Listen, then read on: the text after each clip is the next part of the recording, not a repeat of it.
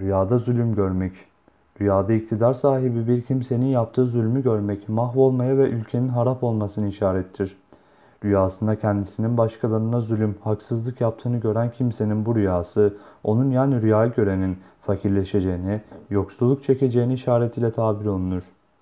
Rüyasında yapmış olduğu zulümleri dile getirdiğini, ben bu zulmü yaptım, yapmıştım gibi kendi zulmünü itiraf eden kimse bu günahlardan Allah'a tevbe etmeye ve edeceğini işarettir.